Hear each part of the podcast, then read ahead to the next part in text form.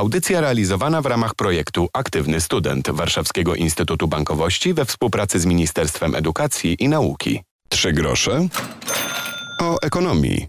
Dzień dobry, z nami jest Piotr Merks, Związek Zawodowy Pracowników Farmacji. Dzień dobry, cześć. Dzień dobry, witaj serdecznie, cześć. Rozmawiać będziemy o sytuacji studentów również farmacji. Okazuje się, że e, właściciele aptek mogą mieć niedługo problem, bo coraz chętniej studenci, którzy wybierają farmację, decydują się na pracę nie w aptekach, co się nam bardzo kojarzy, e, lecz w korporacjach.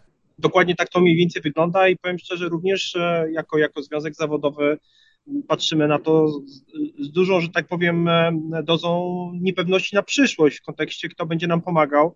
Z uwagi na i tak bardzo obciążony system ochrony zdrowia, farmaceuci jednak pokazali, że umieją zrobić naprawdę porządną robotę i być dla pacjenta tak naprawdę frontmenami podczas tej pandemii, która już właściwie trwa i trwa, prawda? Prawda, tylko pytanie, czy y, można się Wam dziwić, że odchodzicie do korporacji, gdy patrzymy na pensje ogólnie w ochronie zdrowia? Też się przyglądam temu problemowi już od długiego czasu.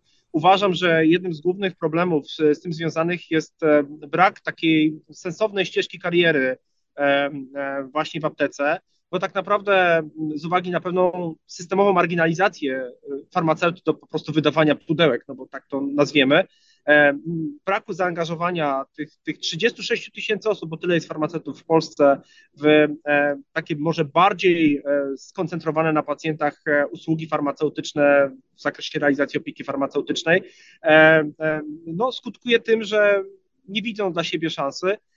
Po drugie, no, oczywiście wynagrodzenia, no, nadal w stosunku do farmaceutów z innych krajów, te wynagrodzenia wyglądają no, dość słabo.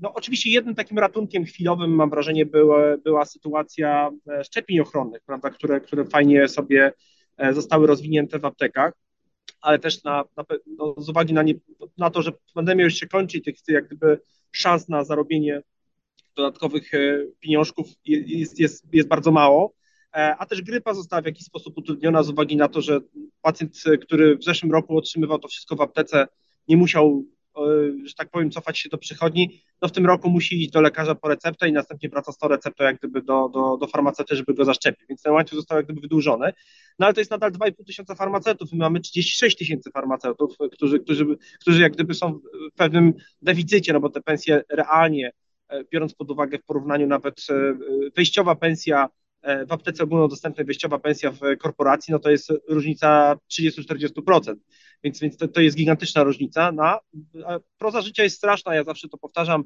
e, e, bez pieniędzy nie ma misji. I chyba to obserwujemy w każdym środowisku medycznym, wszędzie, obserwując też te historie z, z ostatnich lat, ilości strajków, prawda, przeciążenia systemu i tak dalej. Więc to dotyka wszystkich. Natomiast rzeczywiście uważam, że jak gdyby z perspektywy branży duża ilość aptek będzie musiała się zamknąć, dlatego że brakuje tych pracowników, prawda? E, drugim elementem oczywiście jest jeszcze nie tylko odchodzenie, ale też że to, że e, studia farmaceutyczne przestają być atrakcyjne. E, jak, jak ja startowałem do, do, do egzaminu, żeby dostać się na farmację, to był to okres, w którym było sześć osób na miejsce.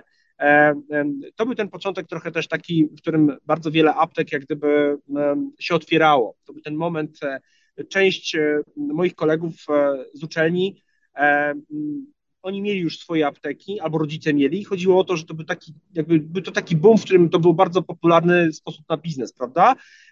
No i wtedy jak gdyby realnie, bo wszyscy myśleliśmy z, z perspektywy odziedziczenia tych naszych, prawda, spuścizn po rodzicach w postaci aptek, no teraz tak nie jest, z uwagi na to, że też ten system jednak e, znacznie przyblogował właścicielstwo młodych osób i tak Tym naprawdę bardziej, z uwagi na to... pojawiło się prawo ograniczające powstawanie e, nowych aptek i tam wytyczne różne. Dokładnie tak. Akurat, y, akurat tutaj to ograniczenie to jest akurat dobre, ponieważ żeby apteka była rentowna, ona musi mieć co najmniej kilka tysięcy pacjentów dookoła, żeby w ogóle być w stanie funkcjonować. No tak, żeby tak nie było apteki co tak, drugi róg. No. Dokładnie tak. No, różnice na przykład w Polsce Tutaj jest jak gdyby to gdzieś tam minimum 3000 osób potrzebne, żeby to jakoś funkcjonowała, ale w takich krajach jak Anglia to jest nawet 5 do 7 tysięcy też w niektórych, nawet do 8 miejscami, więc, więc jak gdyby żebyśmy też mieli jak gdyby tutaj jasne, jasne zrozumienie tematu. Jeśli jest duża ilość pacjentów, to apteka w tym momencie dobrze funkcjonuje, ma pewną stabilność biznesową związaną z obrotem, realizacją recept i tak dalej. Dzięki temu może inwestować w swój rozwój.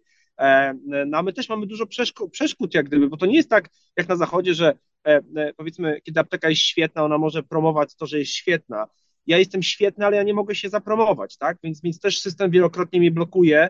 E, no chyba oczywiste jest to, wiemy, no z reklam wiemy, popatrzmy na zwykły świat e, codzienny, prawda? E, każdy wie, że dobre rzeczy generalnie powiedzmy kosztują, prawda? Tak to wygląda, ale też wiemy z reklam, że, że no, bądź też z opinii użytkowników, że coś jest dobre. Na tej podstawie bierzemy prawda, pod uwagę możliwość, nie wiem, zakupu, albo tak jak z lekarzem, no skoro mamy, mamy aplikację znany lekarz, wiemy o tym, że jeden jest dobry, prawda, i wszyscy do niego jak gdyby chcą się dostać, e, inny, no niestety ma dwie gwiazdki i automatycznie tam omijamy szerokim łukiem. To, to, to jest jak gdyby prawo rynku. Reklam samych leków nie brakuje, a nie ma Dokładnie. reklam aptek. Dokładnie tak to wygląda. Dokładnie tak to wygląda. My z wyjątkiem tak naprawdę godzin otwarcia i adresu nie możemy nic podać. Nie możemy powiedzieć, co robimy. Apteka nie może się pochwalić, że robi szczepienia.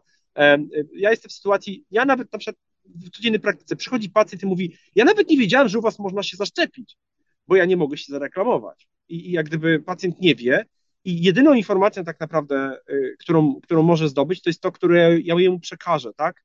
E, kiedy, kiedy jest i realizują mi receptę. A w przeciwnym razie nie jestem w stanie na zewnątrz wyjść i ogłosić, zapraszam was wszystkich. Nie mogę pójść i powiedzieć, słuchajcie, ktokolwiek chętny, zapraszam do siebie na szczepienia, tak? E, więc, więc to są naprawdę duże utrudnienia natury takiej technicznej, e, no, które też e, utrudniają to dostępność dla tych pacjentów. To, co też obserwuję, ta branża jest dziwnie uregulowana. Oczywiście jest jedną z najbardziej restrykcyjnych. W Polsce wyjątkowo restrykcyjnych, chyba nie ma drugiego takiego kraju, który ma tak restrykcyjnie wszystko poregulowane w kontekście zakazu reklamy. Natomiast, tak jak mówię, no my jesteśmy na początku drogi. Ta rola obecnie jest mega marginalizowana. E, e, temat oczywiście marżowości też gdzieś tam cały czas wchodzi jak gdyby w grę. My wiemy o tym, że te marże, one nie będą rosły, nigdzie na świecie nie rosną, ale z kolei Ministerstwa Zdrowia, ekwiwalenty takich, e, prawda, Departamentów Zdrowia czy innych organizacji, one wiedzą, że przyszłością są usługi farmaceutyczne, czyli ta rola kliniczna. I teraz, dla, jaki to ma związek, to wszystko, co powiedziałem z tym, z tym, z tym szarym, prawda, że tak powiem, studentem, który przychodzi i szuka sobie miejsca na świecie, i później musi decydować apteka versus, versus, e, versus biznes. E, z uwagi na to, że e, tak naprawdę poza rolą wydawania tych pudełek, bo tak to brzydko nazwę, ale to celowo, no on nie ma możliwości jakiegoś tam większego rozwoju. Zobaczcie Państwo, ja akurat jestem bardzo proaktywnym farmaceutą i robię dużo rzeczy, ale robię tak naprawdę w swojej, nazwę to może akademickiej fikcji, prawda, teorii akademickiej, bo ja realizuję bardzo dużo fajnych usług opieki farmaceutycznej w ramach grantów, które też dostarczają powiedzmy mi pewnych funduszy na, na to, żebym mógł wynagrodzić swój zespół i swoich farmaceutów, którzy ze mną pracują. E, e, drugi element, e, robimy tych usług różnych bardzo dużo, czy pomiary, prawda, parametry krwi oznaczanie, czy mierzenie ciśnienia, czy generalnie drobne dolegliwości, czy usługa nowego leku, czy przegląd lekowy, czy szczepienia ochronne. Więc ja realnie powiem szczerze, dla mnie każdy dzień w mojej aptece jest pasjonujący, ale tak jak mówię, ja, ja bardziej traktuję siebie jako y, centrum wzorcow, wzorcowej, wzorcowego rozwoju aptek na przyszłość, y, gdzie ja chcę jak gdyby dać decydentom do ręki narzędzia, żeby zobaczyli, jak wygląda ta opieka farmaceutyczna, jak wyglądają te usługi farmaceutyczne. Natomiast no niestety gremium większości aptek to jest zwykła proza życia, tak? Tak to wygląda. I powiem szczerze, gdybym był w takiej sytuacji, gdybym nie stworzył sobie te, takich, takich warunków do rozwoju, powiedzmy, e, e, naukowych, prawda? Bo tak naprawdę, proszę Państwa, no, Polska jest trudnym krajem do, do, do, do szerzenia innowacji, e, więc, więc jeśli nie stworzysz sobie takiego facility, czyli takiego miejsca, gdzie możesz to realizować te wszystkie innowacje, no to ogólnie system ci nie przyjmie, tak? Tak to wygląda. Więc no, no, no mi powiedzmy się udało, natomiast patrząc na moich kolegów, no rzeczywiście jest mi przykro, bo ja widzę bardzo dużo zaangażowanych e, osób. E, te os oczywiście, ile mogę, to też staram się zaangażować w te projekty z zakresu opieki farmaceutycznej u siebie e, w ramach realizacji projektów badawczych na uczelni, na Uniwersytecie Kardynała Wyszyńskiego, na Wydziale Medycznym. Natomiast no, to jest mikroskala. Pamiętajmy o tym, że mamy nadal 36 tysięcy osób i każdego roku kolejne kilkaset kończy, tak? I mają w perspektywie pójść do apteki, która no, no z wyjątkiem szczepień tak naprawdę, i to tylko przypomnę, w 2100 do 2000 500 aptek, to, to, jest, to jest nadal mikroskala, mamy 12 tysięcy aptek w Polsce, to jest mikroskala nadal, prawda? Więc, więc na, to, na to jak gdyby zwracam uwagę. Więc to, to jest naprawdę trudne. Na tak. sam koniec naszej rozmowy, bo czas nas goni, e, zapytam jeszcze o same studia farmaceutyczne.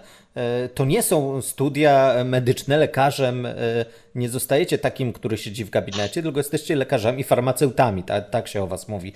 Czym się różnią te tak. studia, tak gdyby wyjaśnić słuchaczom, którzy no, nie są w temacie, a kojarzą was no właśnie z apteki nie tylko?